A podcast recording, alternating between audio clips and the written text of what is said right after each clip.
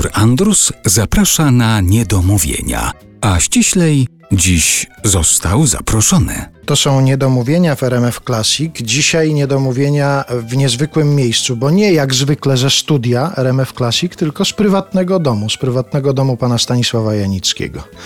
Dzień dobry i dziękuję za zaproszenie do siebie do domu. Ja dziękuję, że jeszcze ktoś mnie pamięta. No i to jest kokieteria. Ja przypuszczam, że jak pan wychodzi tutaj tylko na Nie, zakład... to nie, to nie jest kokieteria, to jest prowokacja. Dlatego, że ja to mówię perfidnie, żeby usłyszeć teraz zaprzeczenie. No to usłyszał pan zaprzeczenie. Zresztą, przy... Dziękuję. Zresztą przypuszczam, że jak pan wychodzi tutaj gdzieś w okolicy u siebie w Bielsku, to jednak wszyscy rozpoznają, że to ten pan od starego kina. No, to tu pierwszy raz y, w ciągu naszej dzisiejszej rozmowy pozwolę sobie nie zgodzić z panem. Czasami się zdarza to i nie przeczę, że mi to sprawia ogromną przyjemność, choć staram się ją trochę, że tak powiem, mniej okazywać.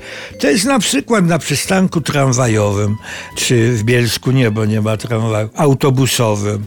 Stoi się, czeka się i nagle ja już to czuję, że ktoś jak się wpatruje we mnie. To już wie, czym się to skończy. No i podchodzi, no i oczywiście pyta, czy ja to ja? Ja mówię, że oczywiście ja to ja i zaczyna się taka rozmowa, no wiadomo, że krótka, dlatego, że no, zaraz przyjedzie autobus numer 7 i trzeba wsiadać. Ale muszę powiedzieć, że to są dla mnie chwile niezwykłe, dlatego, że to nie ma nic wspólnego z tam ze znajomością, zainteresowania filmem. Nic z tych rzeczy. Jest nagle coś takiego, że spotyka się na drodze swego życia, na przystanku autobusowym, kogoś, kogo się pamięta, kogo się oglądało, którego się, mam nadzieję, lubiło. I nagle ten człowiek, który już zniknął absolutnie przecież z areny telewizyjnej i tak dalej, stoi na przystanku. Chryste Panie, to jest on. Oczywiście bez robienia z tego, że jestem jakimś tam gigantem i tak dalej, ale też i na spotkaniach, jak nagle jest, a wie pan, przecież wtedy pan to i tamto, to mnie nie podbudowuje w tym sensie, że czuję się jakieś tam, to już Jezus Maria, jak słyszę słowo celebryta, to dostaję białej gorączki.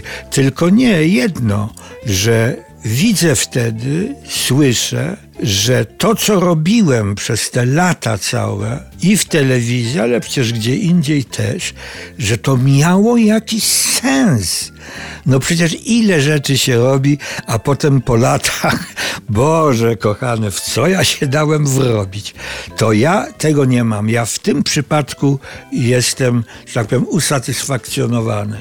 Pan sam oczywiście z drżeniem w głosie, ale wypowiedział pan słowo celebryta, a ciekaw jestem, czy cokolwiek z takiego charakterystycznego dla celebrytów teraz życia panu kiedykolwiek się zdarzyło. Na przykład, czy pan kiedykolwiek stał na tak zwanej ściance?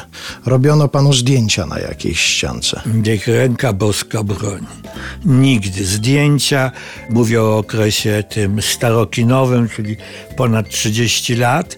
Nie, zdjęcia były robione tylko i wyłącznie w studio, jako egzemplifikacja, wizualizacja programu który ten facet y, prowadzi. Taka była chyba różnica pomiędzy tamtymi czasami a tymi współczesnymi, że wtedy program chyba był ważniejszy, prawda? Wydaje mi się, że tak. Ale dzisiaj nie program był ważniejszy, tylko że znamy tego faceta. Przecież to jest nasz znajomy. Także to się zmienia, ale nie ma to nic. Ja zawsze protestuję, kiedy ktoś tam celebryta. Jaki celebryta? To jest to samo, co się mówi o przedwojennych aktorach filmowych, gwiazdy. Jakie to były gwiazdy? Gwiazda zarabia pieniądze nieprawdopodobne. U nas zarabiała, tak. Gwiazda jest noszona na rękach. Na gwiazdę pracują tabuny dziennikarzy, specjalistów od public relations i tak dalej.